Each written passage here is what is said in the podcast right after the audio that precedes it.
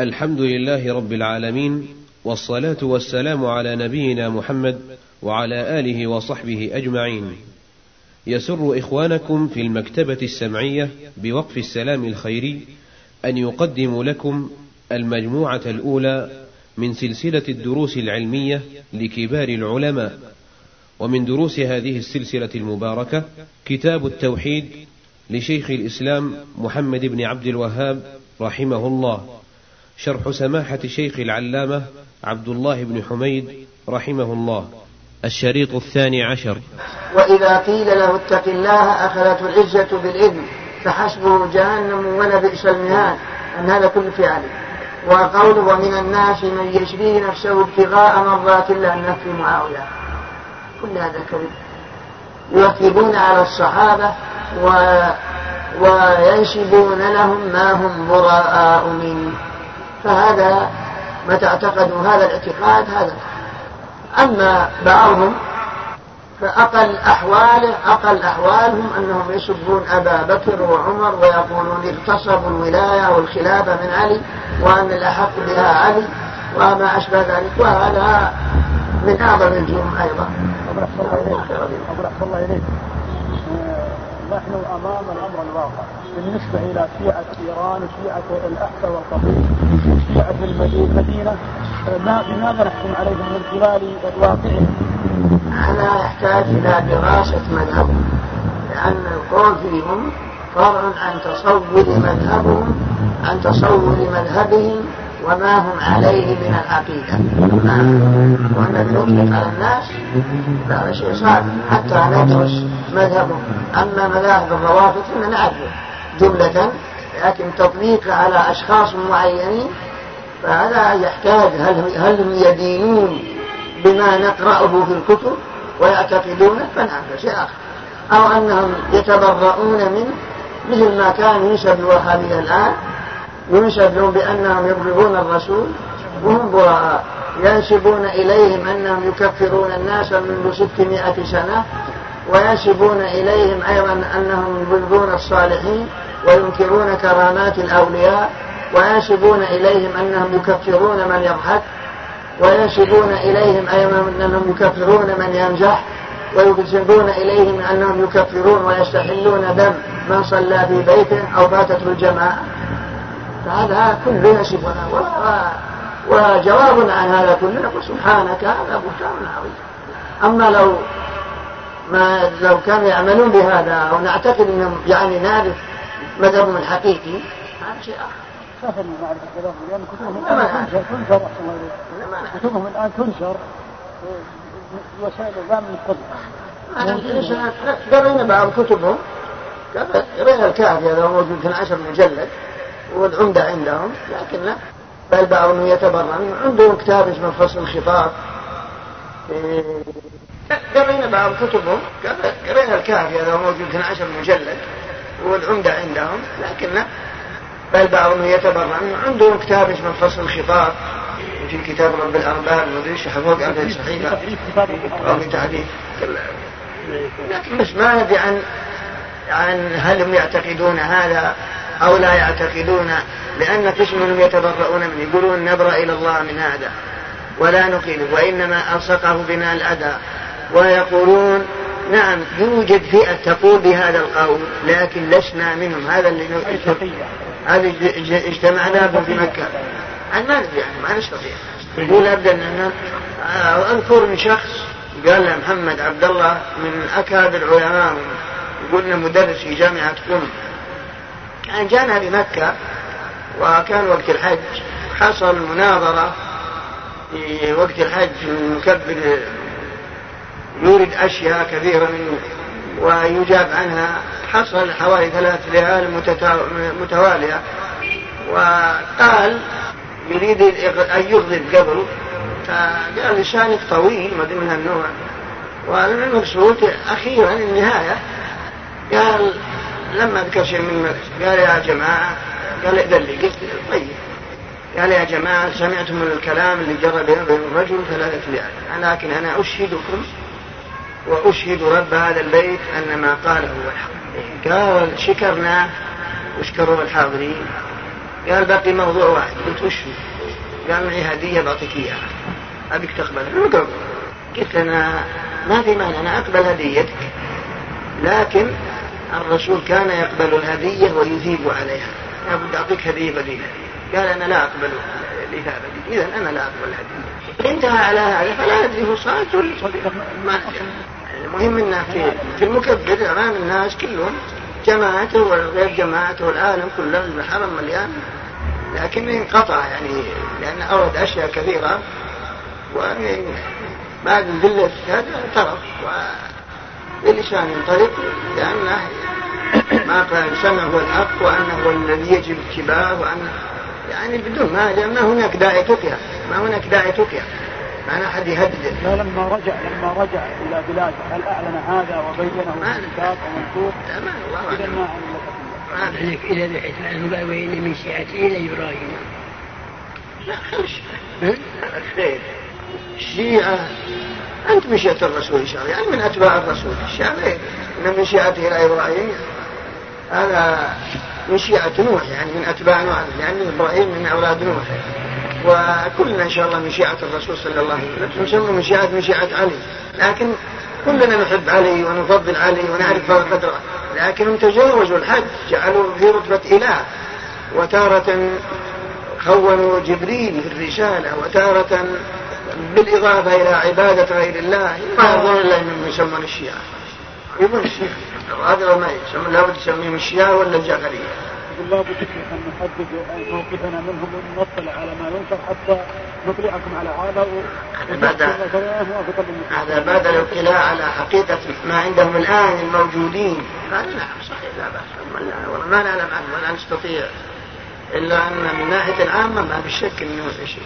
الكتب الموجودة كلها كتب ضلال أما الآن فنترككم مع مجلس آخر من هذا الشرح. وقوله قل ادعوا الذين زعمتم من دون الله لا يملكون مثقال ذرة في السماوات ولا في الأرض الآيتين. قال أبو العباس نفى الله عما سواه كل ما يتعلق به المشركون. فنفى أن يكون لغيره ملك أو قسط منه أو يكون عونا لله ولم يبق إلا الشفاعة.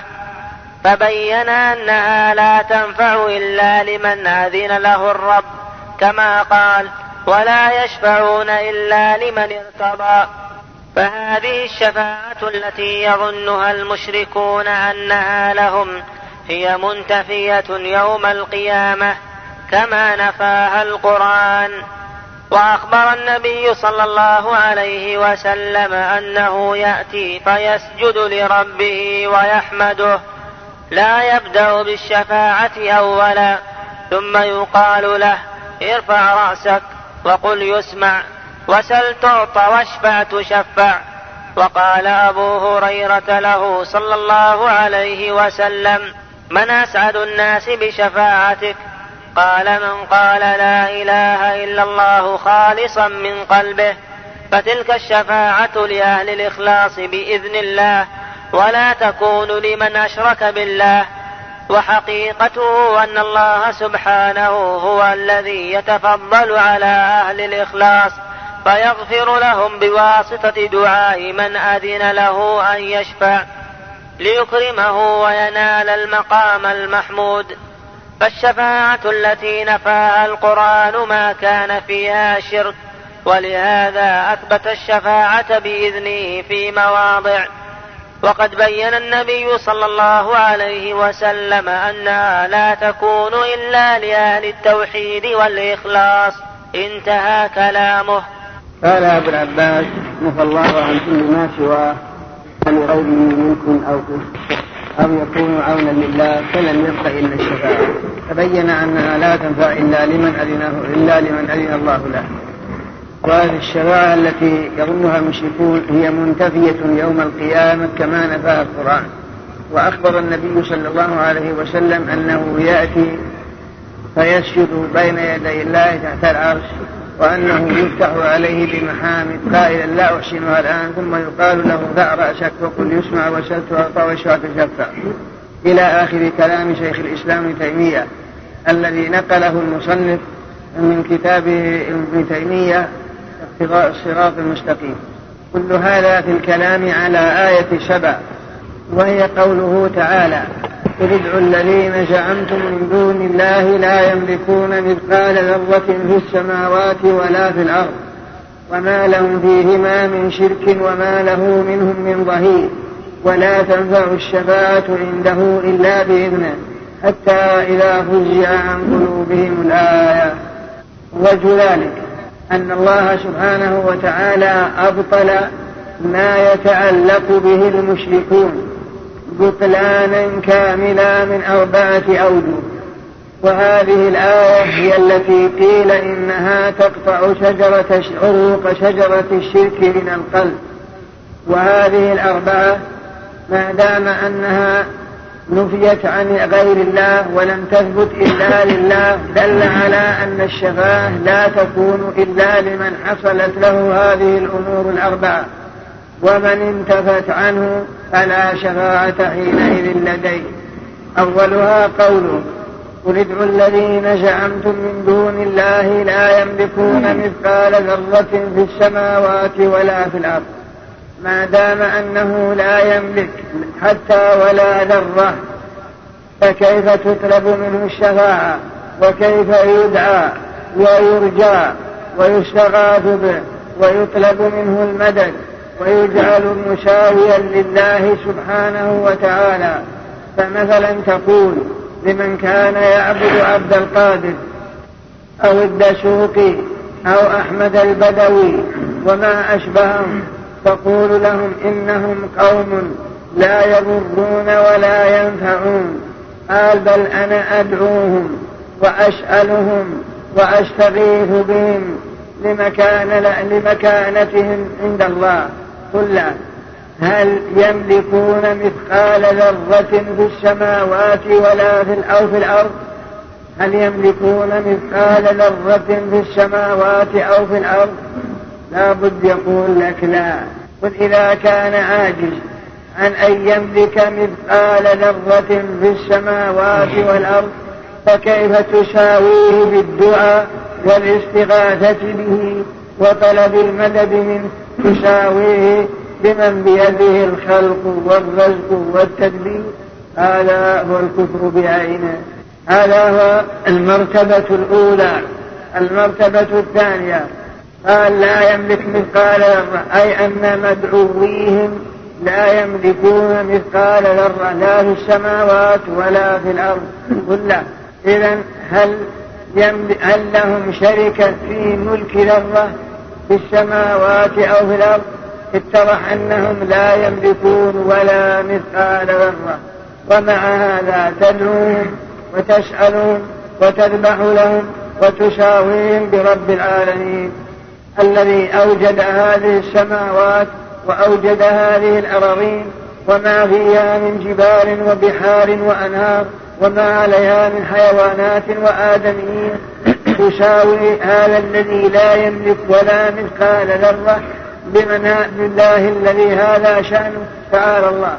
إذا قال لا يملك. قل هل يملك شركة في مثقال ذرة؟ لا بد يقول لك لا. اعترفت أنه لا يملك لا مثقال ذرة ولا أن له شركة ولا في مثقال ذرة. هل عبد القادر أو البدوي أو الدسوقي أو السيدة زينب أو ابن أو ابن علوان أو ما أشبههم هل هم شركاء لله يعني مشيرين لله معاونين له الله هل الله يستشيرهم أو أنهم يعينونه كما أن الملك يستشير وزراءه أو أنه يطلب منهم الإعانة في تدبير الجيوش يقول لك لا الرب غني عنهم. قل إذا ما بقي إلا الشفاعة فكيف تجعلهم في رتبة الله؟ قال أنا أطلبهم ليشفعوا لي وإلا أنا أعرف أنهم لا يملكون في السماوات ولا في الأرض مثقال ذرة ولا أن لهم شركة ولا في مثقال ذرة ولا أنهم ولا أنهم معينين لله ولا مستشارين له. إلا أني أطلب منهم الشفاعة. بطلت المراتب الأولى باعترافك وأن الله هو المنفرد بها. قال لك نعم. ولا بقي الشفاعة. الشفاعة هل يشفعون بغير إذن الله أو لا بد فيها من إذن الله؟ ضروري يقول لا بد فيها من إذن الله لأن الله يقول ولا تنفع الشفاعة عنده. إلا بإذنه. إن قال لك يشفعون بغير أن يأذن لهم كل هذا هو عين شرك المشركين الأولين سواء بسواء فإن قال ما يشفعون إلا بإذن الله وأن الشفاعة ملك لله ولا إذا اطلبوا الشفاعة من الله. لأن ما دام أنهم لا يملكون الشفاعة وأنهم لا يشفعون إلا بعد إذن الله لهم. فالمطلوب هو أن تسأل الله بأن يشفع فيك نبيه أو فيك هذا الرجل الصالح أو يشفع فيك هذا الذي يشفع من ولي ونحوه أو فرق ونحوه لا أنك تطلب منه الشفاعة. فإن كنت تطلب منه بدون إذن الله هذا هو عين شرك المشركين الأولين. وهذه الشفاعة هي التي نفاها القرآن وأبطلها رسول الله صلى الله عليه وسلم. اعترف لك قال نعم لا أحد يشفع عند الله إلا بعد إذن الله لا قل لا. وهل الله يأذن للشافع أن يشفع لغير أهل التوحيد؟ أنت لست بموحد. هل أنت موحد أم لا؟ قال لك أنا موحد. قلنا إيش التوحيد؟ ألم يكن التوحيد إفراد الله بالتعلق؟ أن تعلقت بأحمد البدوي؟ لم تكن موحد. لم تكن موحد. لأن التوحيد هو إفراد الله بالعبادة. فأنت أفرد الله بالعبادة ثم اطلب منه أن يشفع فيك نبيا أو يشفع فيك هذا الرجل الصالح. لأن الله يقول كما اعترفت من ذا الذي يشفع عنده إلا بإذنه ولا تنفع الشفاعة عنده إلا بإذنه. وكم من ملك في السماوات لا تغني شفاعتهم شيئا إلا بإذن إلا بعد إذنه. وكم من ملك في السماوات لا تغني شفاعتهم شيئا إلا لمن أذن الله له. فإذا أذن الله له ورضي قوله شفاء كما في الآية.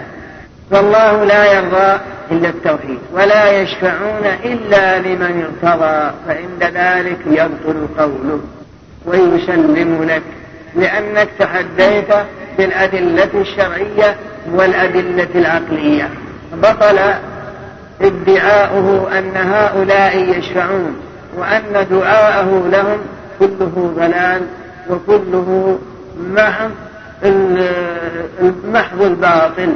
المخالف للقرآن والسنة وكما يأتي بقية كلام ابن تيمية والله أعلم. أما الآن فنترككم مع مجلس آخر من هذا الشرح. تقدم لنا أن الشفاعة لا بد لها من شروط ثلاثة. الشرط الأول أن الشافع لا يشفع إلا بعد إذن الله وهذا أمر معلوم. بخلاف ما كان عليه المشركون وعباد القبور. فإنهم يطلبون الشفاعة من الأموات. يأتي أحدهم إلى رسول الله صلى الله عليه وسلم فيقول يا رسول الله اشفع لي. وهذا لا شك أنه لا يجوز بل هو شرك. فكيف يطلب الشفاعة من غير الله؟ وقد تقرر لنا أن الشفاعة ملك لله. لا تطلب إلا منه كما في قوله تعالى قل لله الشفاعة جميعا فالآية تدل على أن الشفاعة ملك لله فإذا كانت ملك لله فكيف تطلب من غيره؟ ثم أيضا لا تطلب من غيره بل تطلب من الله فلا يشفع للرسول ولا ملك مقرب ولا نبي مرسل إلا بعد إذن الله له أن يشفع. فما كان عليه عباد القلوب من طلبهم الشفاعة هو عين شرك المشركين الأولين سواء بسواء. ثانيا لا بد أن المشروع له من أهل التوحيد. فإذا كان ليس من أهل التوحيد ولم يمت على التوحيد الله لا يأذن للشافع أن يشفع كما في حديث أبي هريرة.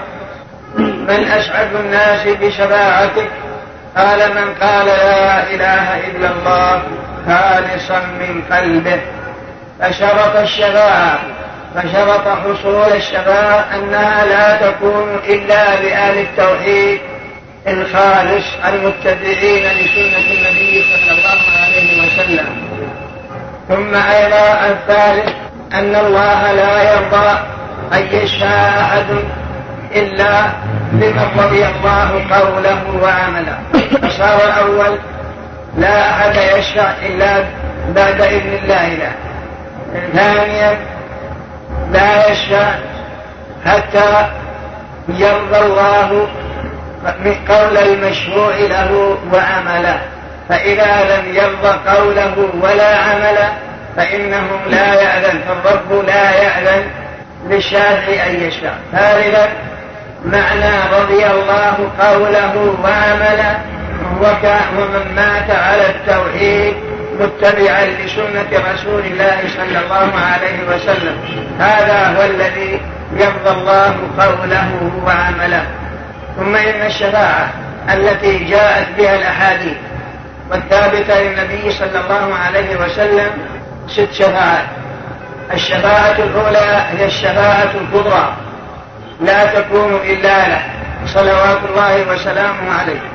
وذلك أن الناس إذا قاموا من قبورهم رفاة عراة غرلا كيوم ولدتهم أمهاتهم دنت منهم الشمس ويلزمهم العرق فيجتمعون في صعيد ينتظرون نزول الرب ذي القضاء فصل القضاء بينهم. ثم يأتون فيطول بهم النقاء يأتون آدم فيقولون أنت أبو البشر وأنت الذي خلقك الله بيده وأنت الذي أسجد لك ملائكته وأنت الذي نفخ فيك من روحه. فاشفع لنا عند ربك حتى يريحنا من كرب هذا الموقف.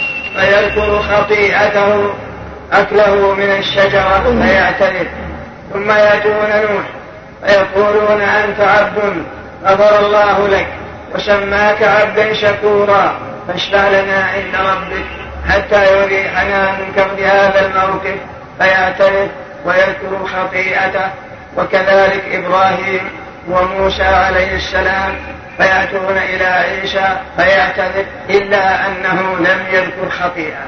فيقول ائتوا محمدا صلى الله عليه وسلم. قال الرسول فيأتوني. فيقول أنا لها أنا لها. فيخر ساجدا بين يدي الله تحت العرش.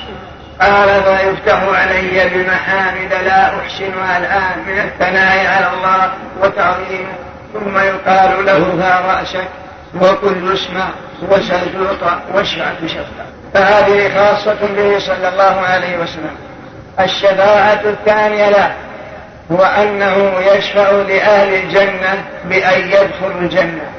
فأول من يستفتح باب الجنة هو محمد صلى الله عليه وسلم.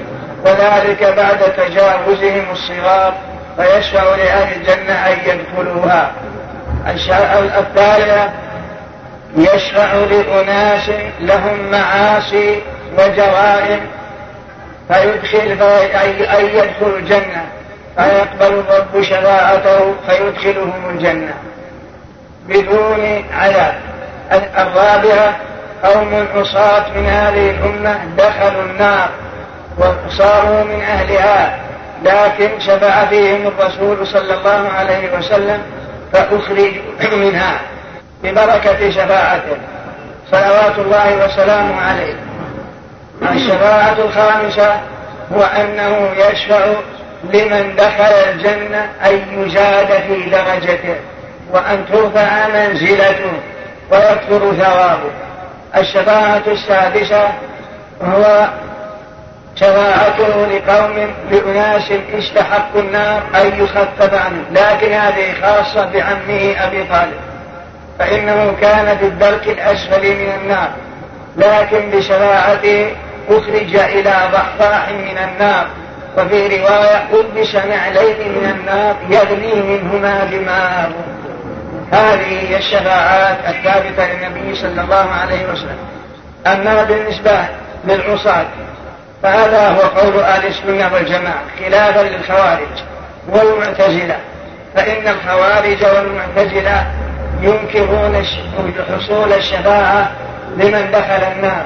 وكذلك العصاة قالوا لا يمكن أن يخرج منها بل من دخلها يكون أبدا مؤبدا فيها. فينكرون الشفاعة هذه للنبي صلى الله عليه وسلم. ولكن جمهور السلف من الصحابة والتابعين وجمهور أهل السنة والجماعة على إثباتها خلافا للخوارج والمعتزلة. لأن الخوارج يكفرون بالذنوب.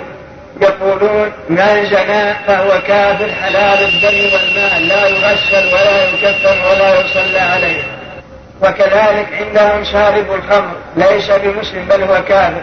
المعتز فإذا كان كافر لا يخرج منها لأن الله أعد جهنم للكافرين أبدا. كما في قوله تعالى إن الله لعن الكافرين وأعد لهم سعيرا خالدين فيها أبدا لا يجدون وليا ولا نصيرا.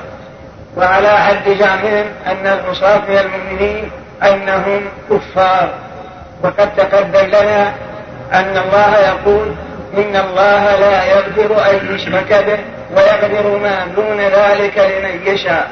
فالآية تدل على أن من مات على الشرك بأن جعل لله نديدا يساويه بالله ومات هذا هو الذي لا يدخل الجنة وهو الكافر حقا. أما من كان مؤمنا ومات على التوحيد ولكن له جرائم وله ذنوب فهذا تحت المشيئة. إن شاء الرب أدخله الجنة في أول وهلة وإن شاء عذبت في النار بقدر جرائمه ثم مآله إلى الجنة. هذا هو مذهب أهل السنة والجماعة. بقوله تعالى إن الله لا يغفر أن يشرك به ويغفر ما دون ذلك لمن يشاء. ولحديث أنس أن الله يقول يا ابن آدم لو أتيتني بقراب الأرض خطايا ثم لقيتني لا تشرك بي شيئا لأتيتك بقرابها مغفرة ففي هذا كله الرد على الخوارج والمعتزلة وأصحاب الضلال والبدع. الذين قالوا بهذا القول. ثم أيضا هذه الشرائع لم تكن خاصة للرسول بل هي للرسل وللصالحين ولغيرهم. فإن الله سبحانه وتعالى يقبل شفاعة المسلمين للرجل العاصي فيدخله الجنة. ألا ترى أن إذا كنا نصلي على الميت نقول له اللهم اغفر له وارحمه وعافه واعف عنه وأكرم نزله يعني ضيافته إلى آخر الدعاء المعروف. فهذا شفاعة منا له نشفع له عند الله بدعائنا هذا. كما قال النبي صلى الله عليه وسلم ما من مسلم يموت ويقوم على جنازته أربعون رجلا لا يشركون بالله شيئا إلا شفعهم الله به.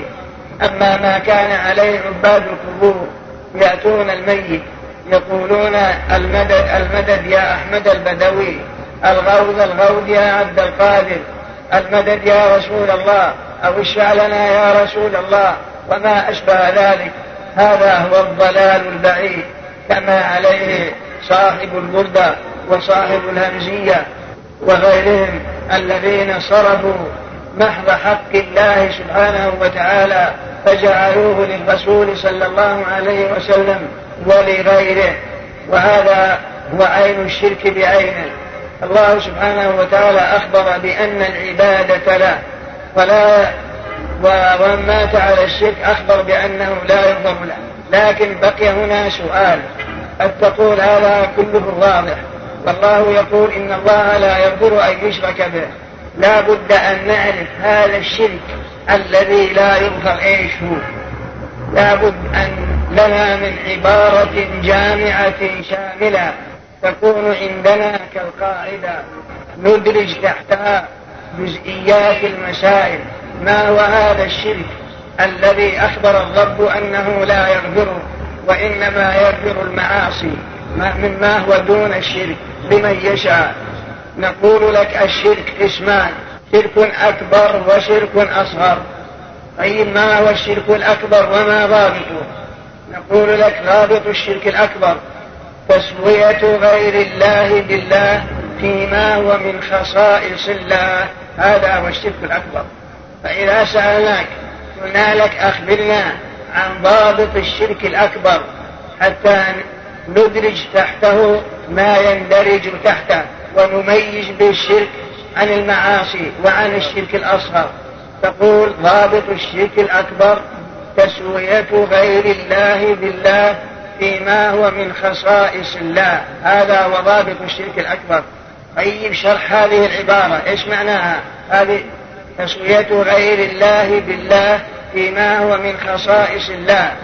نقول لك من خصائص من الخصائص التي لا تكون إلا لله كالدعاء والذبح والنذر والاستغاثة وطلب المدد إلى غير ذلك. هذا هو الذي لا يجوز صرف شيء منه لغيره. فإذا صرفت شيئا من ذلك فإن هذا هو الشرك بعينه. وهذا هو الشرك الأكبر. تسوية غير الله بالله فيما هو من خصائص الله والذي هو من خصائص الله والعبادة. العبادة تعريفها اسم جامع لكل ما يحبه الله ويرضاه من الأقوال والأفعال الظاهرة والباطنة ومن أنواعها الدعاء إلى آخره. ما ضابط الشرك الأصغر؟ ضابط الشرك الأصغر ما ورد في النصوص تسميته شرك. ولم يصل إلى حد الشرك الأكبر. لم يسوي لم يسوي في ذلك غير الله بالله فيما هو من خصائص الله. لكنه جاء بالنصوص تسميته شرك إلا أنه لا يصل إلى حد الشرك الأكبر. إيش مثل مثل قولك ما شاء الله وشئت هل لو نقول لك هذا شرك أصغر؟ ليه؟ طالما صار شرك أكبر. نقول لك عرفنا ضابط الشرك الأكبر. وانظر هل تندرج. قولك ما شاء الله وشئت. ما ضابط الشرك الأكبر وكما قلنا تسوية غير الله بالله فيما هو من خصائص الله. قال قولك ما شاء الله وشئت. هل جعلت هذا المخاطب مثل الله؟ يقول لا. هذا شرك أصغر لأن قولك ما شاء الله لا شك أن لله مشيئة. وشئت وأنت أيضا لك مشيئة. لا نسلب عنك المشيئة أنت لك مشيئة لكن لكن مشيئتك تابعة لمشيئة الله. ولهذا لا نقول هذا شرك الأكبر إنما نقول شرك أصغر لأنك جئت بالواو المقتضية لمطلق الجمع والاشتراك. فلو قلت ما شاء الله ثم شئت انتفى المحذور لأن ثم تقتضي التعقيد والترتيب يعني مشيئتك واقعة بعد مشيئة الله. فإذا قلت ما شاء الله وشئت صارت مشيئتك مماثلة لمشيئة الله بدلالة الواو فلهذا وأنت لم و و و ومشيئتك لا تكون مساوية لمشيئة الله بل مشيئة الله أهم وأعظم إلا أن مشيئتك لك مشيئة لكنها تابعة لمشيئة الله. فإن قلت ما الدليل على أن لي مشيئة؟ أنا عبد من عباد الله.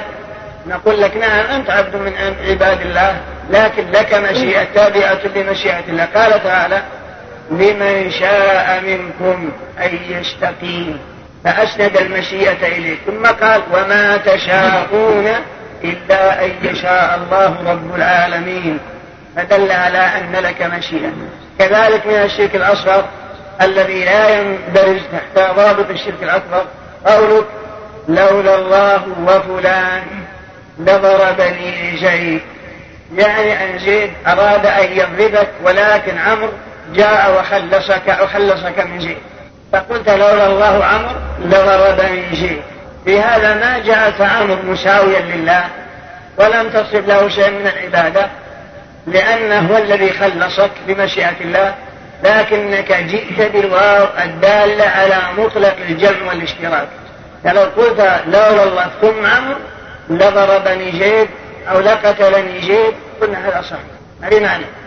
آه وكذلك من يسير الديار وما أشبه ذلك. هذا هو ضابط الشرك الأصغر. الحاصل أن الشفاعة لا تكون إلا لمن رضي الله قوله وعامله وأن الشافع لا يشفع إلا بعد إذن الله له. في هذا الرسول خر ساجدا يحمد الله ويثني عليه. ينتظر أمر ينتظر إذن ربه له أن يشفع. ولم يأتي يشفع قبل أن يتقرب إليه بالسجود وقبل أن يتقرب إليه بالثناء والمحامد. وبعد وقبل أن يقال ارفع رأسك وقل يسمع وستعطى واشفع تشفع إذ لو كانت الشفاعة تأتي بدون إذن لقد جاء الرسول فقال يا ربي أنا شاهد لأمتي أنا شاهد لهؤلاء أهل الموقف بل قدم بين ذلك الذل والخضوع حتى أذن الله له أن يشفع بقول ارفع رأسك وقل يسمع وستوفى واشفع تشفع والله أعلم. نعم. أما الآن فنترككم مع مجلس آخر من هذا الشرح. باب قول الله تعالى إنك لا تهدي من أحببت.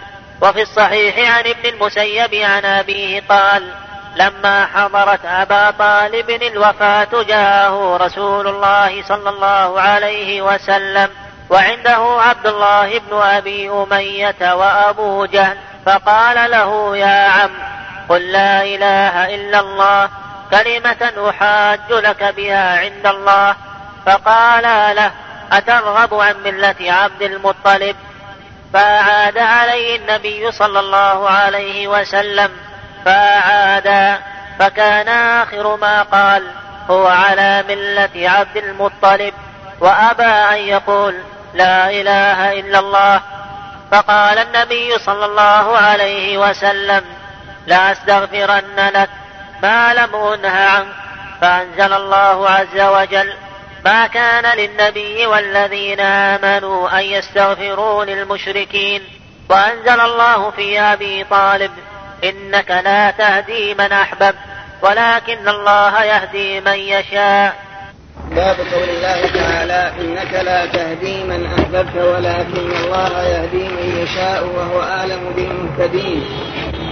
قصد المصنف رحمه الله بهذه الترجمة إذ رد على من قال إن الأموات يشفعون أن الأموات يتصرفون وينفعون وأن الرسول ينفع.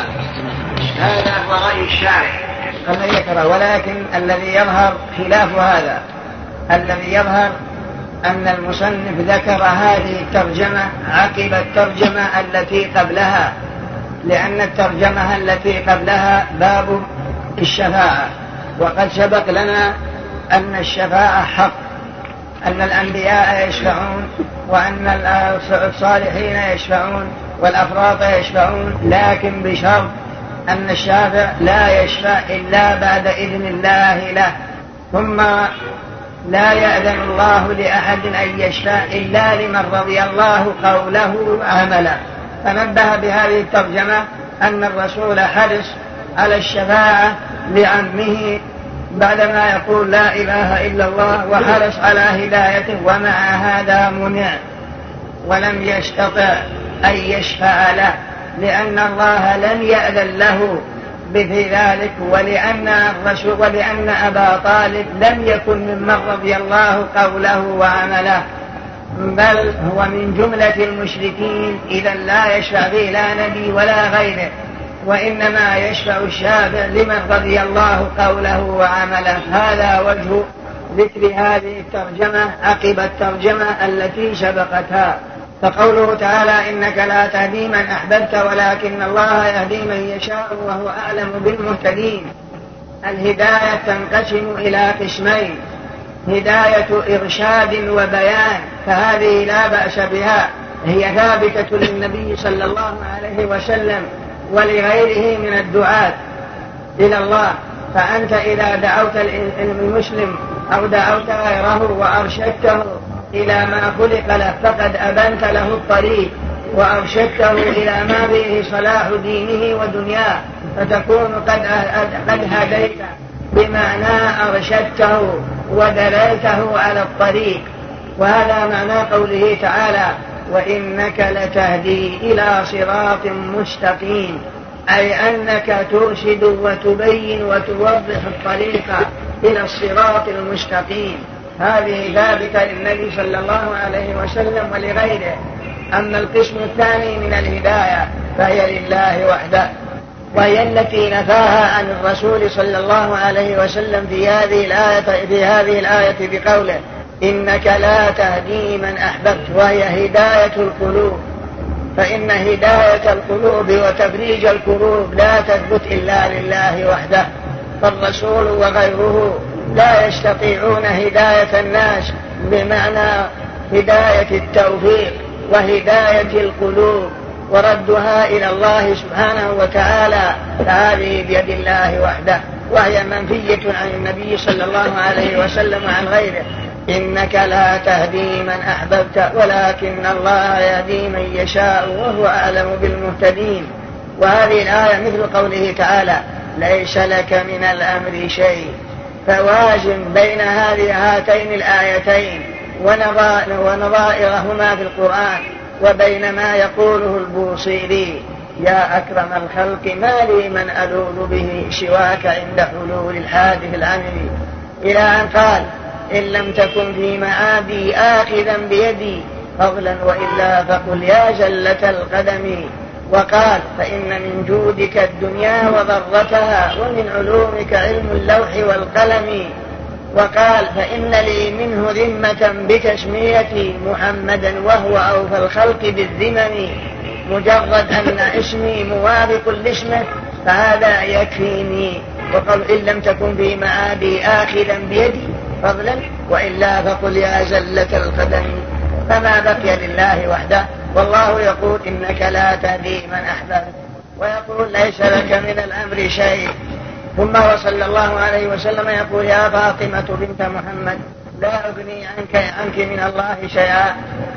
كأن البوصيري يقول لا هذا كله ليس بصحيح بل بيدك الدنيا بيدك الدنيا وضرتها وعلم وعندك من العلوم علم اللوح والقلم وأنت الذي تنجي وأنت الذي تعطي. فالله يقول إنك لا تهدي من أحببت ولكن الله يهدي من يشاء وهو أعلم بالمهتدين. فالخلق مأمورون أن يتجهوا إلى خالقهم وباريهم والخلق منهيون عن أن أن يتخذوا وسائط بينهم وبين الله بل أمرهم أن يدعوه وأمرهم أن يستغيثوا به وأمرهم أن يلتجوا إليه بدون أن يكون لهم واسطة لا محمد ولا غيره. قال في الصحيح يعني ابن المسيب عن أبيه قال لما حضرت أبا طالب الوفاة جاءه رسول الله صلى الله عليه وسلم وعنده عبد الله بن أبي أمية وأبو جهل فقال له يا عم كلمة استعطاف وتذكير يا عم قل لا إله إلا الله كلمة أحاج لك بها عند الله. فقالا له أترغب عن ملة عبد المطلب؟ يعني أترغب عن دين جدك عبد المطلب؟ فذكراه الحجة الملعونة وهي تعظيم الأسلاف والأكابر. فقال هو على ملة عبد المطلب. وقال أنا على ملة عبد المطلب لكن الراوي غيرها لأنه لا يحرم بأن يقول أنا بل قال هو على ملة عبد المطلب وأبى أن يقول لا إله إلا الله. فقال النبي صلى الله عليه وسلم لا أستغفرن لك ما لم أنه عنك. في هذه القصة فوائد كثيرة أولا قول لما حضرت أبا طالب يعني علامات؟ حضرت أبا طالب, أبا طالب الوفاة يعني علامات الوفاة ومقدماتها. جاءه رسول الله صلى الله عليه وسلم فقال له يا عم قل لا إله إلا الله. وعنده عبد الله بن أبي أمية وأبو جهل فذكراه الحجة الملعونة. ففي هذا مضرة أصحاب السوء على الإنسان. فإذا كان من يجالسك ومن يخاللك فيه دين وخير فإنك تنتفع بمجالسته. وإذا كان من يجالسك ويخالطك لا خير فيه فلا بد أن جربه ينتقل إليك. كما قيل إذا ما صحبت القوم فاصحب خيارهم ولا تصحب الأرداف تردى مع الردي. عن المرء لا تسل وسل عن قرينه فكل قرين للمقارن يقتدي. نعرف صلاحك وفسادك ممن تجالس وتخالل وتخالط وتذهب وتجي معه إن كنت تذهب وتجي مع شخص فيه خير فإنا نعرف ممن تجالس وتخالل وتخالط وتذهب وتجي معه إن كنت تذهب وتجي مع شخص فيه خير فإنا نعرف فضلك وخيرك ممن تخالطه وتجالسه والعكس بالعكس. ويقول أبو تمام لما رأت أختها بالأمس قد خربت صار الخراب لها أعدى من الجرد يعني لما صارت أختها فيها شيء من الخراب انتقل الخراب إلى أختها وإن الخراب أعدى من الجرب. فالإبل الصحيحة السليمة إذا خالطها خالطتها واحدة جرباء فإن الجرب ينتقل منها إلى الإبل الصحيحة فتجرب. فكذلك مخالطتك لمن لا خير فيه.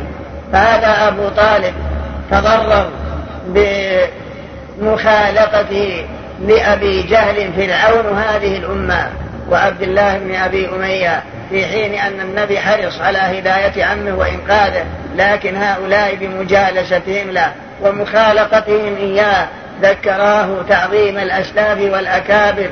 فقال له أترغب عن ملة عبد المطلب؟ قال هو على ملة عبد المطلب. يعني هو على دين عبد المطلب وهو عبادة غير الله. فكذلك مخالطتك لمن لا خير فيه. فهذا أبو طالب تضرر بمخالطته لأبي جهل فرعون هذه الأمة. وعبد الله بن أبي أمية في حين أن النبي حرص على هداية عمه وإنقاذه لكن هؤلاء بمجالستهم له ومخالطتهم إياه ذكراه تعظيم الأسلاف والأكابر فقال له أترغب عن ملة عبد المطلب؟ قال هو على ملة عبد المطلب. يعني هو على دين عبد المطلب وهو عبادة غير الله.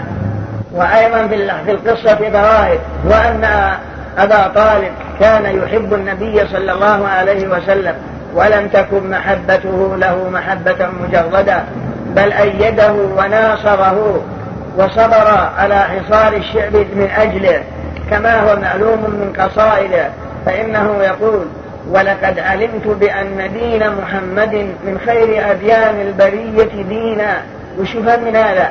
يفهم أن أبا طالب اعتقد أن دين محمد هو الحق. وأنه خير أديان الخليقة. ولقد علمت بأن دين محمد من خير أديان البرية دينا. فهو تكلم بلسانه. وهذا إيمان منه بالرسول صلى الله عليه وسلم. قولا واعتقادا لكن تخلف العمل.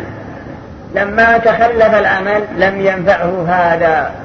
وقال في قصيدته تلك والله لن يصلوا إليك بجمعهم حتى أوسد في التراب دفينا. فانظر إلى حمايته وحياطته للرسول وصبره. ومع هذا حرص, حرص الرسول على هدايته فلم ينفع بل مات على الكفر. وأيضا قال في قصيدته اللامية المعروفة التي أولها ولما رأيت القوم لا ود فيهم وقد قطعوا كل العرى والوسائل وقد صارحونا بالعداوة يشير إلى قريش. وقد صارحونا بالعداوة والأذى. وقد طاوعوا أمر العدو المجاهل إلى أن قال كذبتم وبيت الله نبجى محمدا. يعني نسلت حلف بغير الله. على شركه. نبجى محمدا ولما نطاع حوله ونناضل إلى أن قال لا نسلمه لكم حتى نصرى حوله ونذهل عن أبنائنا والحلائل.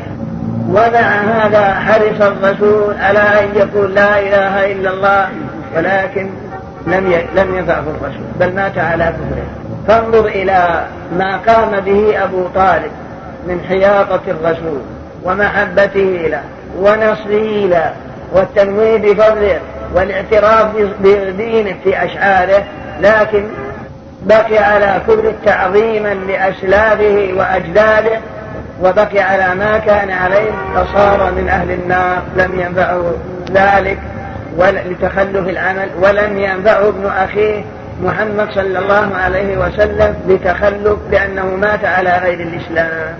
فدل على أن الشفاعة لا تنفع إلا لمن رضي الله قوله وعمله. وهنا سؤال قد يقال عندما نقرأ في سيرة الرسول صلى الله عليه وسلم نجد قومه أشد الناس عداوة له كأبي جهل وعبد الله بن أبي أمية وعتبة بن ربيعة وشيبة بن ربيعة وكثير من بني هاشم حتى عمه أبو لهب. ومع هذا هم أشد الناس عداوة له.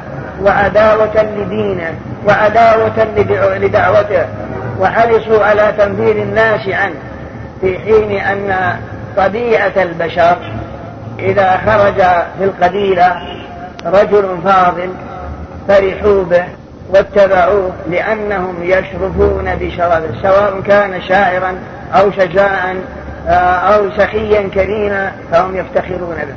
فإن قبيلته تلتف نحوه.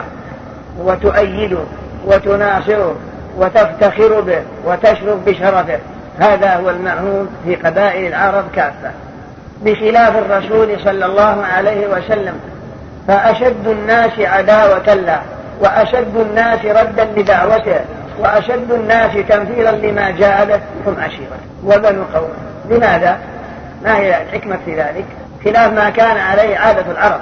قال بعض العلماء أن الحكمة في ذلك هو أن قريشا لو اتبعته وقبلت ما جاء به لقالت العرب رجل شرف في قومه فيريدون الشرف به ويريدون تعظيمه فلم يلتفتوا إليه ولا إلى ما جاء به بل قبيلة شرفت رجلا منها وعظمت رجلا منها من أجل أن تشرف بشرفه وأن تفتخر بمنزلته. لكن صار قوم من أشد الناس عداوة له حتى تتساءل العرب في كل مكان. ما هذا الرجل الذي رمته عشيرته بخيش العداوة؟ ماذا يدعو الناس إليه؟ ماذا يريد؟ فمن أجل هذا قبائل العرب بعثت وجودا إلى مكة للتعرف عن حالة هذا الرجل. الذي نفرته عشيرته وأبغضته عشيرته وعاد وعادته عشيرته ماذا يريد؟ وماذا يدعو الناس إليه؟ فكل قبيلة بعثت من قبلها وفدا للتخبر عن حالة الرجل. فجاءت تلك الوفود فسمعوا القرآن وسمعوا ما كان يدعو الناس إليه فأعجبوا فبعثوا فحملوا هذا إلى قبائلهم. وإلى مجتمعاتهم.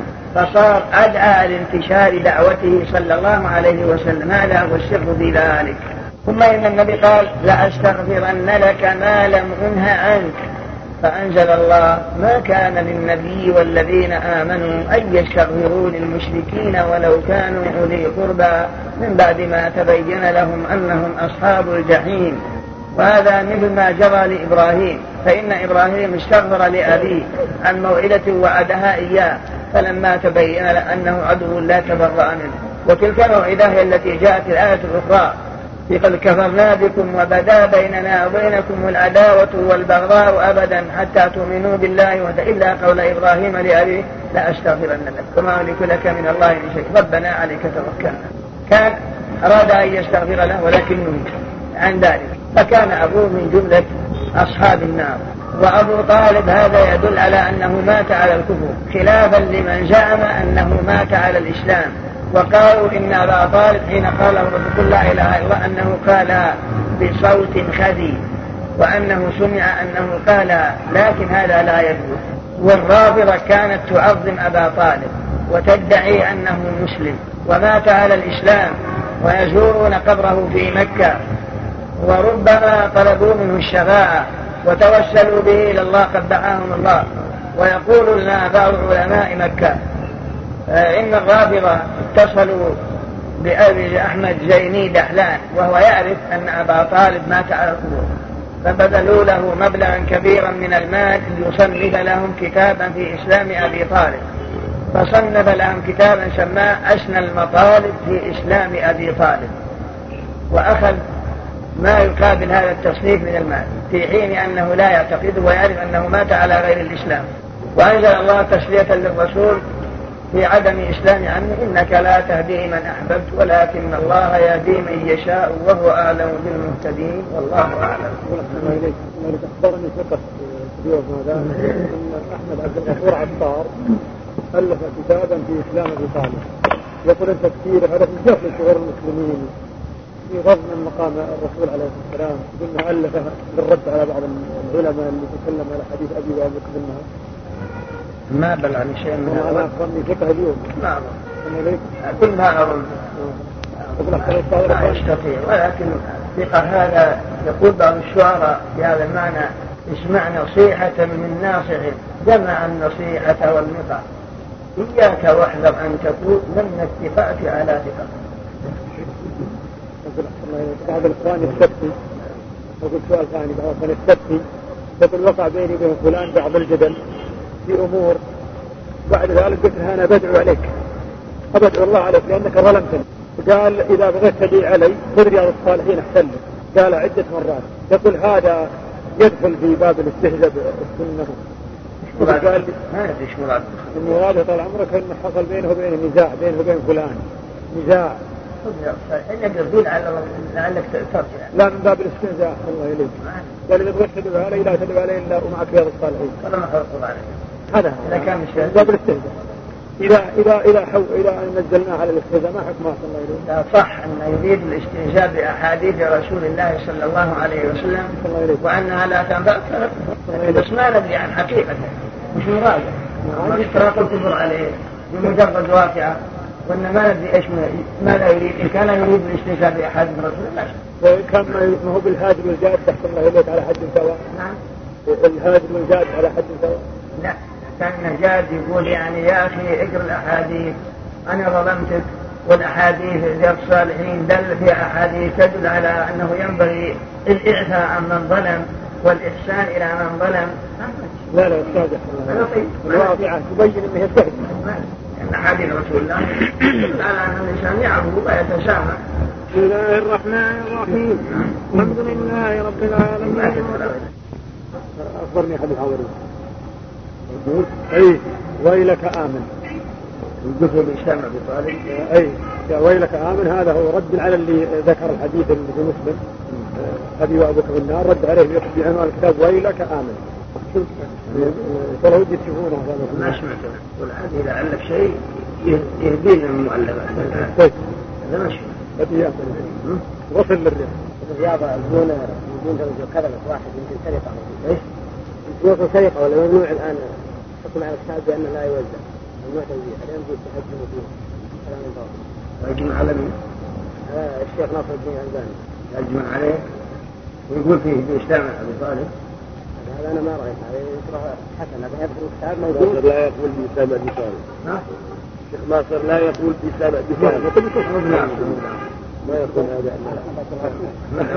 هو رد عليه. رد عليه بمصر الكتاب موجود. ينبغي يطلع عليه أخبرني أحد المراقبين أحسن عليك يعني هم المختصين ان أن الشيخ ناصر تكلم عن الحديث أبي وأبوك في النار ابن صلاح حكم بكفر ابي بكر فاحمد عبد الغفور عطار قال هذا فيه استزاز لشعور المسلمين يعني كونك إيه يقول كيف تلقوا الرسول على ثم هكذا هذا شعور كيف المسلمين يبغوا شعور راحه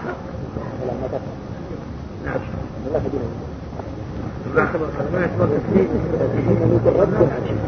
يعني انت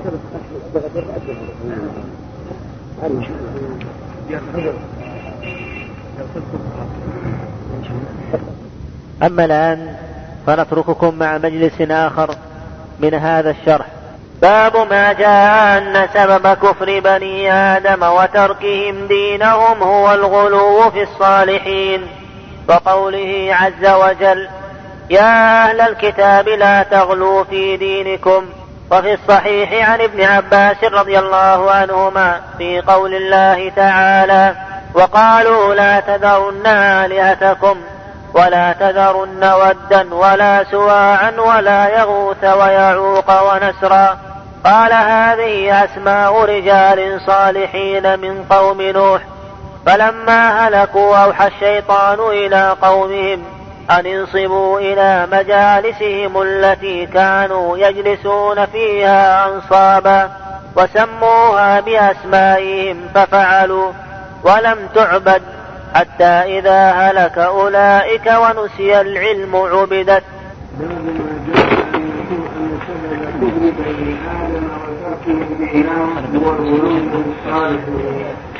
هذا القائل يقول سبب كفر بني آدم ووقوع الشرك فيهم. ما سببه نقول هو الغلو في الصالحين. الغلو إيش معناه؟ الغلو مشتق من الغليان. يقال يقال غلى القدر إذا طاش. والمراد مجاوزة الحد. فكل إنسان يتجاوز الحد. فيما أمر به يقال إن فلانا غلا. وكذلك يقال طغى. وهو مجاوزة الحد. قال الله تعالى ولا تطغوا فيه. وقال فاستقم كما أمرت ومن تاب معك ولا تطغوا. أي لا تتجاوزوا الحد, الحد ولا تزيدوا. بل الشريعة هي عبادة اقتصاد. الغلو ومجاوزة الحد. هذا نهى الله عنه في قوله يا أهل الكتاب لا تغلوا في دينكم. فأصل وقوع الشرك في بني آدم هو الغلو في الصالحين كما في قصة قوم نوح. الذي أورده المصنف ها هنا عن ابن عباس رضي الله عنه. قال وقول الله تعالى يا أهل الكتاب لا تغلوا في دينكم. نسألك نقول لك وش وجه مطابقة الآية الترجمة الترجمة باب ما جاء أن أن سبب كفر بني آدم وتركهم دينهم هو الغلو في الصالحين. والآية لا تغلو في دينكم. وجه مطابقة الآية للترجمة إيش هو؟ إيش؟ النهي عن الغلو. لكن هذا السبب كفر بني آدم هو الغلو في الصالحين. الآية ما قال لا تغلو في الصالحين؟ ولا تغلو في دينكم. لا تزيد في الصلاة لا تزيد في الحج لا تزيد في الصوم لا تأتينا بشيء زائد بل اقتصر على ما جاءت به الشريعة. وإياك والغلو. ومن إذا غلا في الدين آل به إلى خروج عن الملة. فكذلك الغلو في الصالحين وجاءوا عن الملة وجه مطابقة الآية الترجمة. الترجمة باب ما جاء أن سبب كفر بني آدم هو الغلو في الصالحين. يعني أن السبب سبب الكفر الذي وقع في بني آدم وأول شرك وقع على وجه الأرض هو الغلو في الصالحين. بمعنى أنهم صوروهم وعبدوهم وطلبوا منهم المدد بدليل ثم استدل بقول لا تغلوا في دينكم. فقول لا تغلوا في دينكم لم يكن لا تغلوا في الصالحين. فالكلام يقول النهي عن الغلو في الصالحين وأنه هو السبب في كل بني آدم. والآن لا تغلوا في دينكم.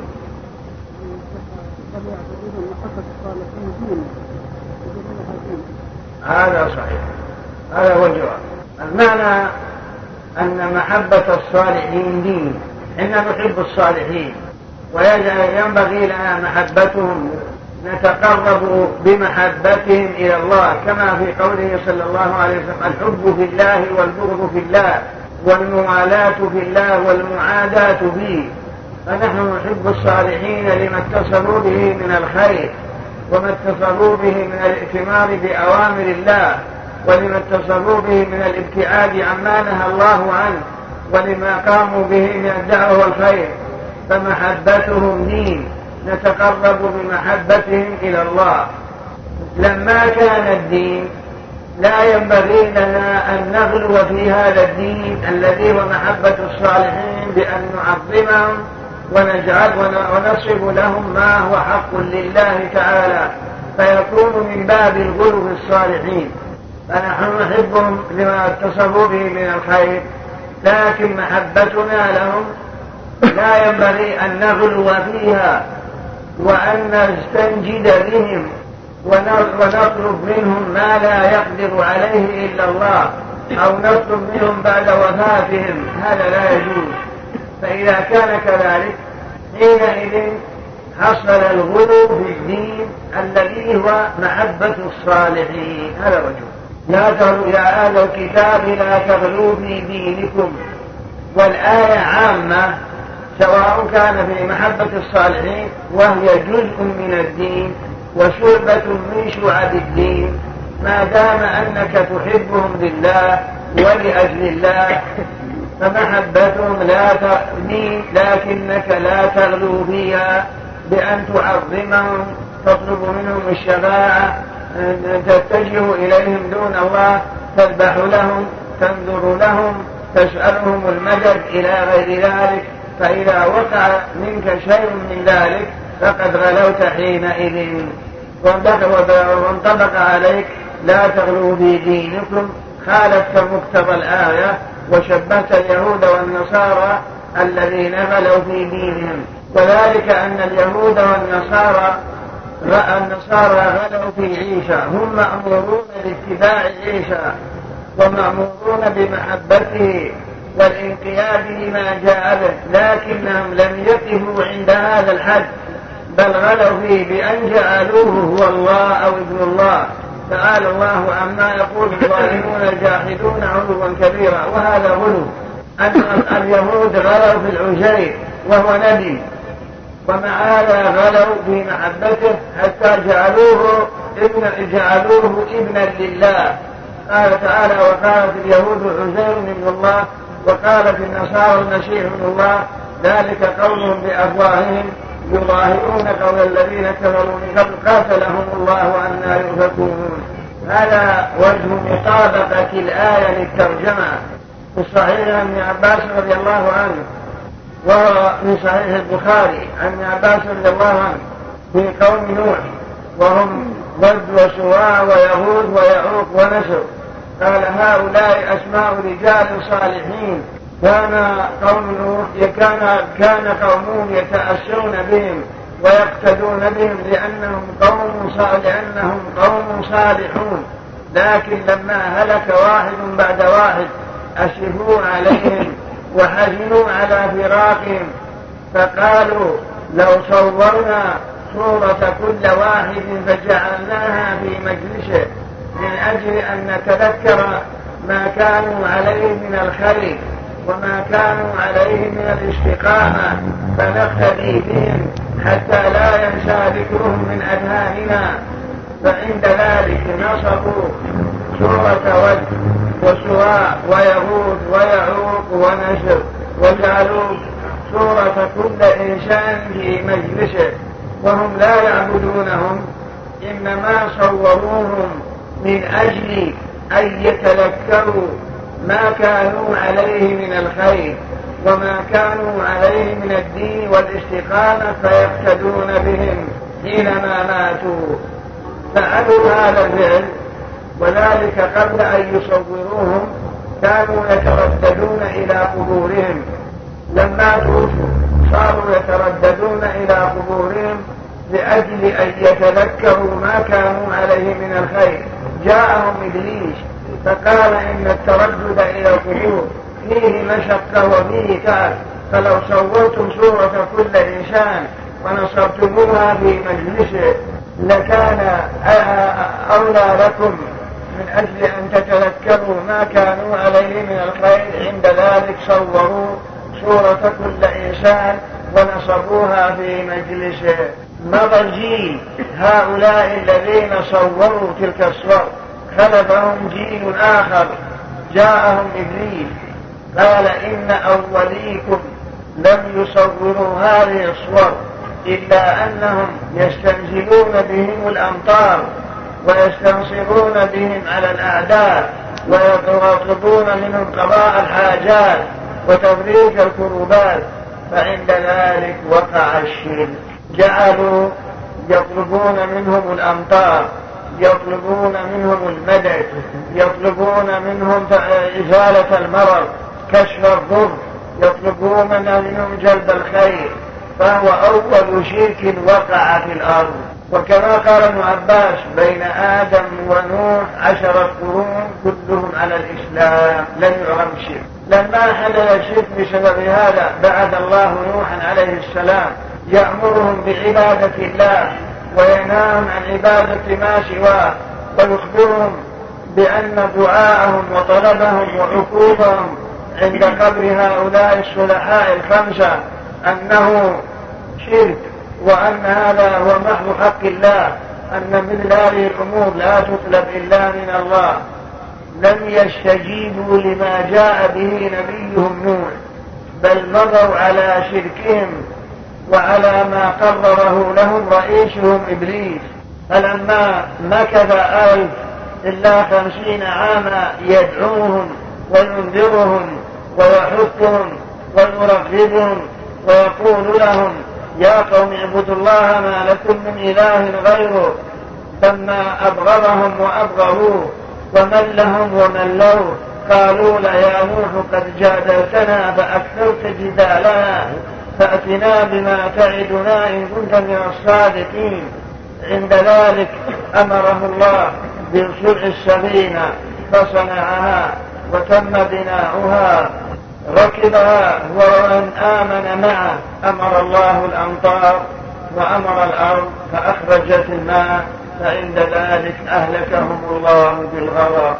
ولم يبق إلا من كان مع نوح في السفينة فأهلك والغرق أهلك أهل الأرض كلهم. ولم يبق نفس تترك إلا من كان مع نوح في السفينة. العصريون يقولون لا الطوفان لم يصل إلى الصين وإنما الصين موجودون من آدم.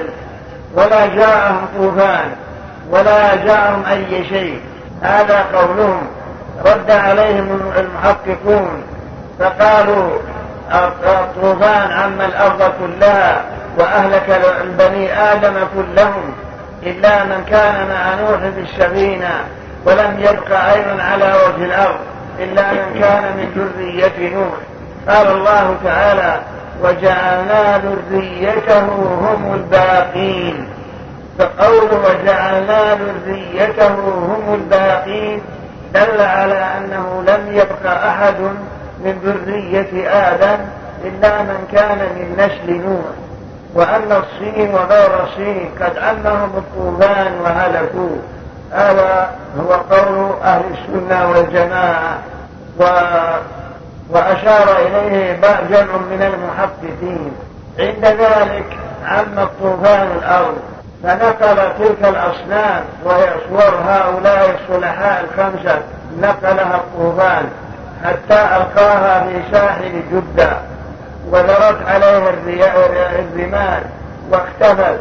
حتى جاء إبراهيم صلى الله عليه وسلم فأمر الناس بعبادة الله فكانوا على الدين المستقيم ثم بعد إبراهيم جاء عمرو بن جاء عمرو بن لحي الخزاعي وهو سيد خزاعة وعنده مال كثير ويقال كانت عادة العرب. إذا بلغ عند الرجل ألف بعيد فإنه يخفش عين واحد من إبله من الذكور بفعل كل ألف يقابلها واحد إيه، يخفش عينه. لأجل أن لا تصاب الإبل بشيء. والذي خرج نقص عينه من الإبل نحو ألف بعيد. والواحد في مقابل ألف لكثرة ماله. وكان سيدا لهم. جاءه الشيطان فقال له اذهب إلى جدة تجد بها أصناما معدة فخذها ولا تهب وادعو العرب إليها تجب ذهب إلى ساحل جدة فاستخرجها ثم فرقها في قبائل العرب فوقع الشرك بالله. فقال النبي صلى الله عليه وسلم رأيت عمرو بن لحي الخزاعي يجر قصبه بالنار يعني مصارينه في لأنه أول من غير دين إبراهيم وأول من شيب الشوائب. هذا هو مقتضى ما ذكره العلماء في هذه المسألة. والحاصل أن أول شرك وقع في الأرض هو بسبب محبة الصالحين والغلو فيهم. فإن الشيطان يتدرج بهم شيئا فشيئا. أول شيء كانوا لما مات هؤلاء الصلحاء الخمسة.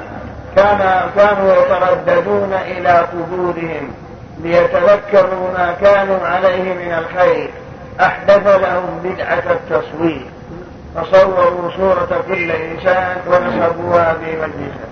ثم أخيرا لما نسي الغرض الذي من أجله صورت. جاءهم الشيطان وقال إن أوليكم لم يصوروا هذه الصور إلا أنهم يستنصرون بهم على الأعداء ويستنزلون بهم الأمطار فوقع الشرك. ثم أيضا بنوا القبور بنوا الأبن الكبابة على القبور وافتتنوا بها كما سيأتي في كلام القيم من تدرج الشيطان بآل الشرك. أولا ينقلهم إلى بدعة ثم إلى بدعة أشد منها ثم إلى أشد منها تدريجيا حتى يوقعهم في الشرك بالله الذي مآل صاحبه في النار. إذا لم يتب كما في قول إن الله لا يغفر أن يشرك به والله أعلم. لا تذكر ركعتان فإنه يصلي أربعة. وفي أيضا آثار في في مصنف أبي شيبة. ها؟ وجدنا أثر واحد يكون متروك. بس أثر واحد. ما وجدنا أثر واحد يكون متروك. ترك على شرط الشيخين وعلى جمع من العلماء وإليه ذهب الأئمة. أثر ابن عباس أثر ابن عباس. الشيء سبحانه ها؟ اللي يقول أرأيت إن صلت الجمعة؟ الأضحى ثم صليها ركعتان ثم تجي القاسم. هذا لو فرضنا أولا ينظر في صحة. في سند هذه ناحية ثم أيضا على تقدير صحته على تقدير صحته فيعمل بالاحتياط. فإن الأصل أنها أربعة هذا هو فيعمل بالاحتياط. وإلى هذا ذهب جمهور العلماء. فنقول مثلا آه ابن عباس يقابل ابن مسعود. يبقى لنا أبو هريرة ويبقى لنا عدد من الصحابة رضي الله عنهم وإليه ذهب الأئمة. يكفي كل هذه. نمنع على شرط الشيخين وصحابة العلماء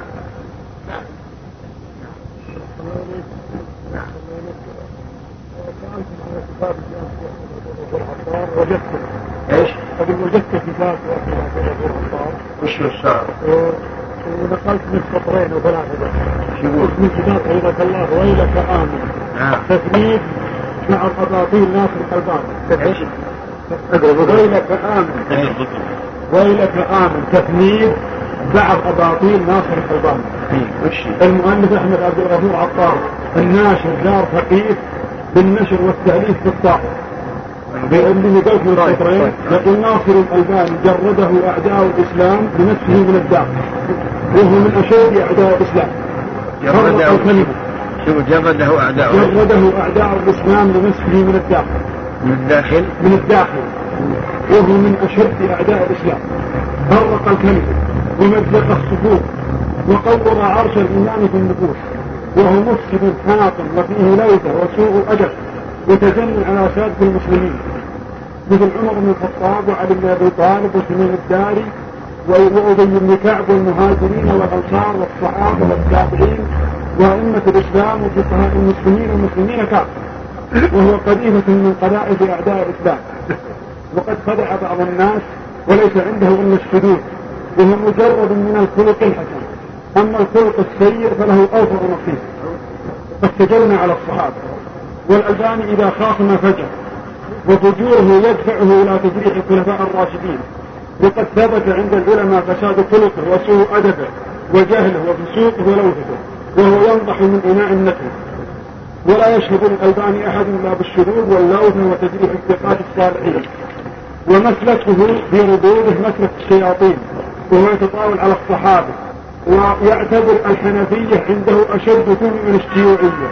والألباني قرد حقير ويجب أن يعاقب الألباني بما هو أهله وهو كلب ينبح دائما على الصحابة. ومفقود القيمة ومفقود القيمة وهو من أدعياء العلم ويحاكي أعداء الإسلام. وهو متطاول على من هم أعلم أعلم السلف وهو كلب نباح ومباحه يبقى في اللعاب حيث أراد الله له أن يبقى يقتات من قدره.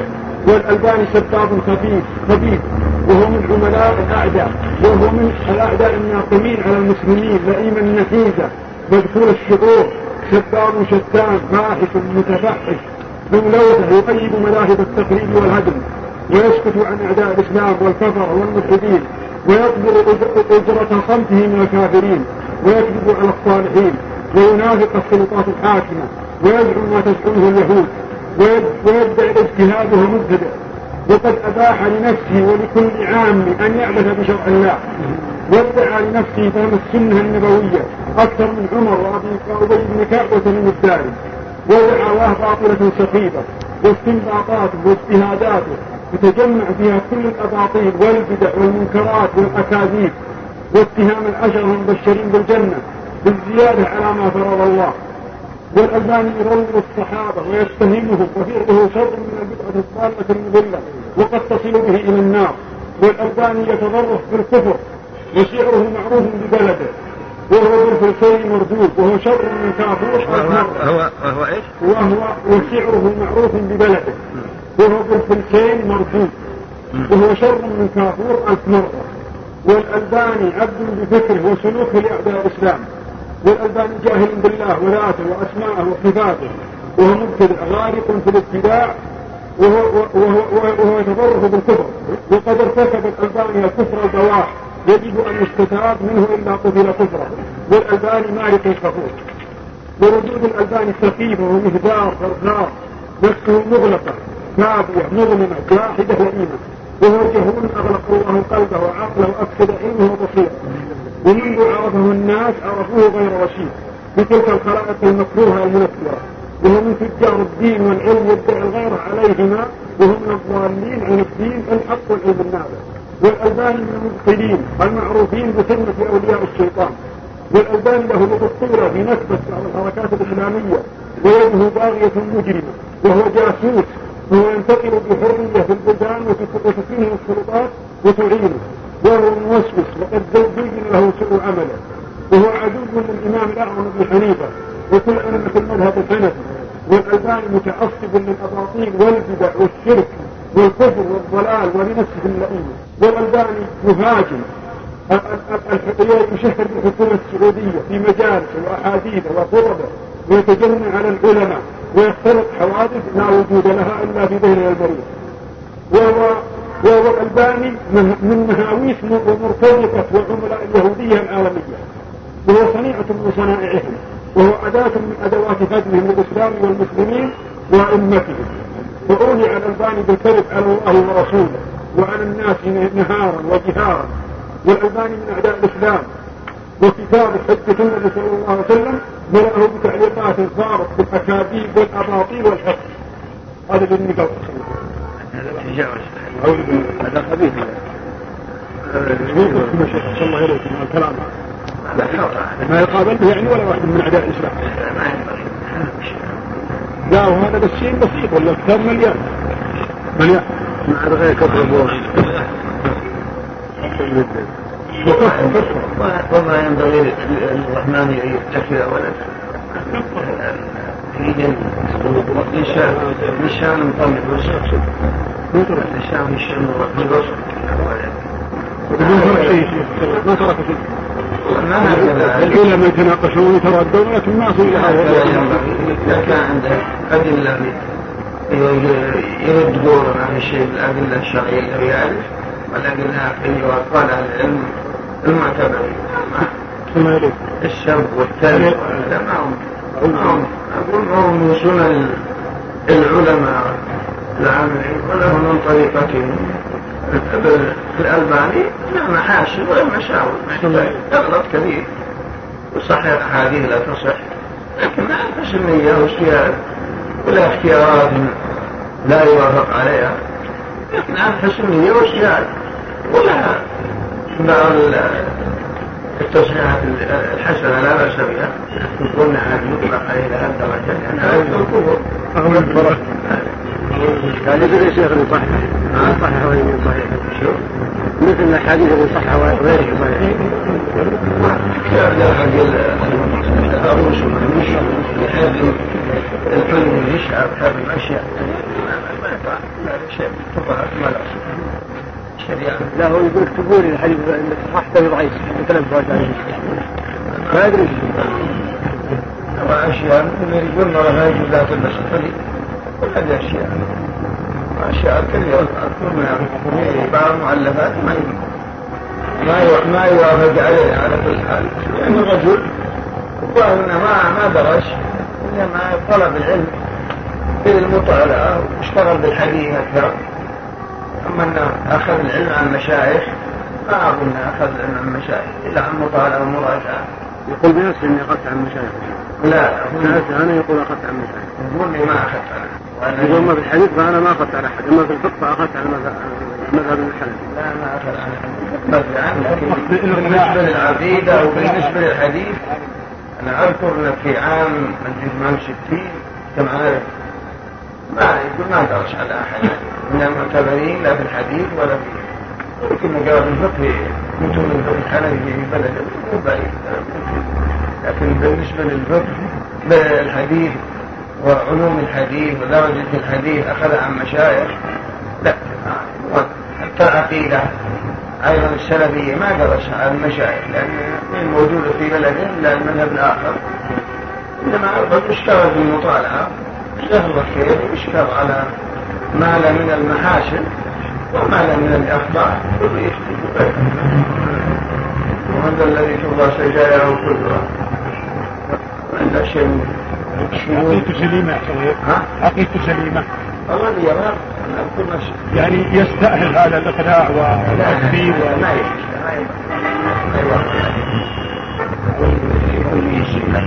ما ما في العباد كلهم الكلام إطلاق اللسان إلى الدرجة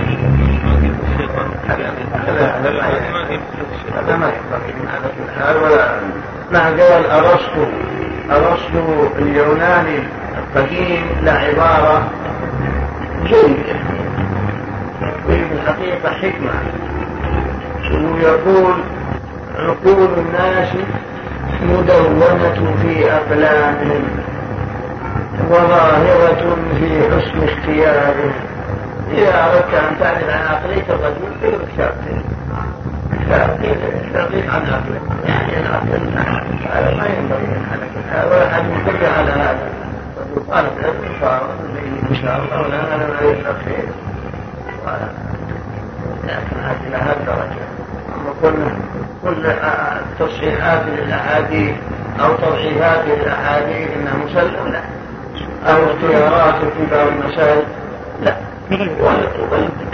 والبعض هذا عند الشيء من الشذوذ في بعض المؤلفات والمرأة ما يجوز تنحس الحلي وأنها ممنوع وأنه وأنه وأنه يدل على هذا إجماع الأمة في إباحة الحلي للنساء ما جرت به العادة والأحاديث صريحة في هذا لكنها تتعلق بآثار وبأحاديث أخرى. يأخذها على طريق العموم.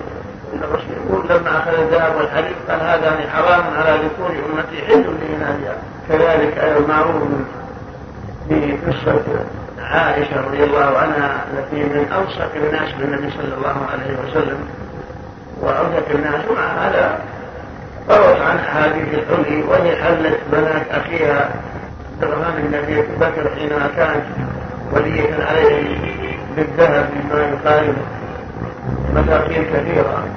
ومن عمر يعني ما ما هنا يا شيخ زمان كان أعلم الشيخ ناصر بالسنة. هل تعرفون أحد أعلم منه بالسنة؟ أحد. ما نعرف أنه أعلم الناس بالسنة هذا هو ما أنه أعلم الناس بالسنة طالب علم فاضل وجهل لا تخلى وما في شك كثير من علماء من علماء الهند وعلماء باكستان أقدم من في الحديث وأعرف من شرحوا الترمذي وشرحوا أيضا مشكاة المصابيح وبينوا الأحكام وأوردوا السنن هذا عبيد الله الرحمن يحسن بكثير وإن كان ما ابن فضل أحد على أحد كلهم إن شاء الله فيهم خير وفيهم مجتهدين لكن عندما تقرأ مؤلفات هذا ومؤلفات هذا يجد بينها أبوه ليقرأ مرآة المفاتيح. عبد الله الرحمن إذا شافها مشكاة المصابيح لا, يزال يكتب ساعة اطلاع على الآثار على السنة وعلى أقوال أهل العلم واعتداله وتمسكه. كذلك البنوري اللي توفي الأيام سنن معاه إلا أنها لا عنده شيء من التعصب الحنفي شوي ابن المبارك فوري صاحب تحفة الأحوذي وختاما تقبلوا تحيات إخوانكم في وقف السلام الخيري. رقم الهاتف هو اثنان صفر تسعة صفر اثنان صفر تسعة. رقم الناسوخ هو اثنان صفر تسعة اثنان صفر تسعة اثنان. والسلام عليكم ورحمة الله وبركاته.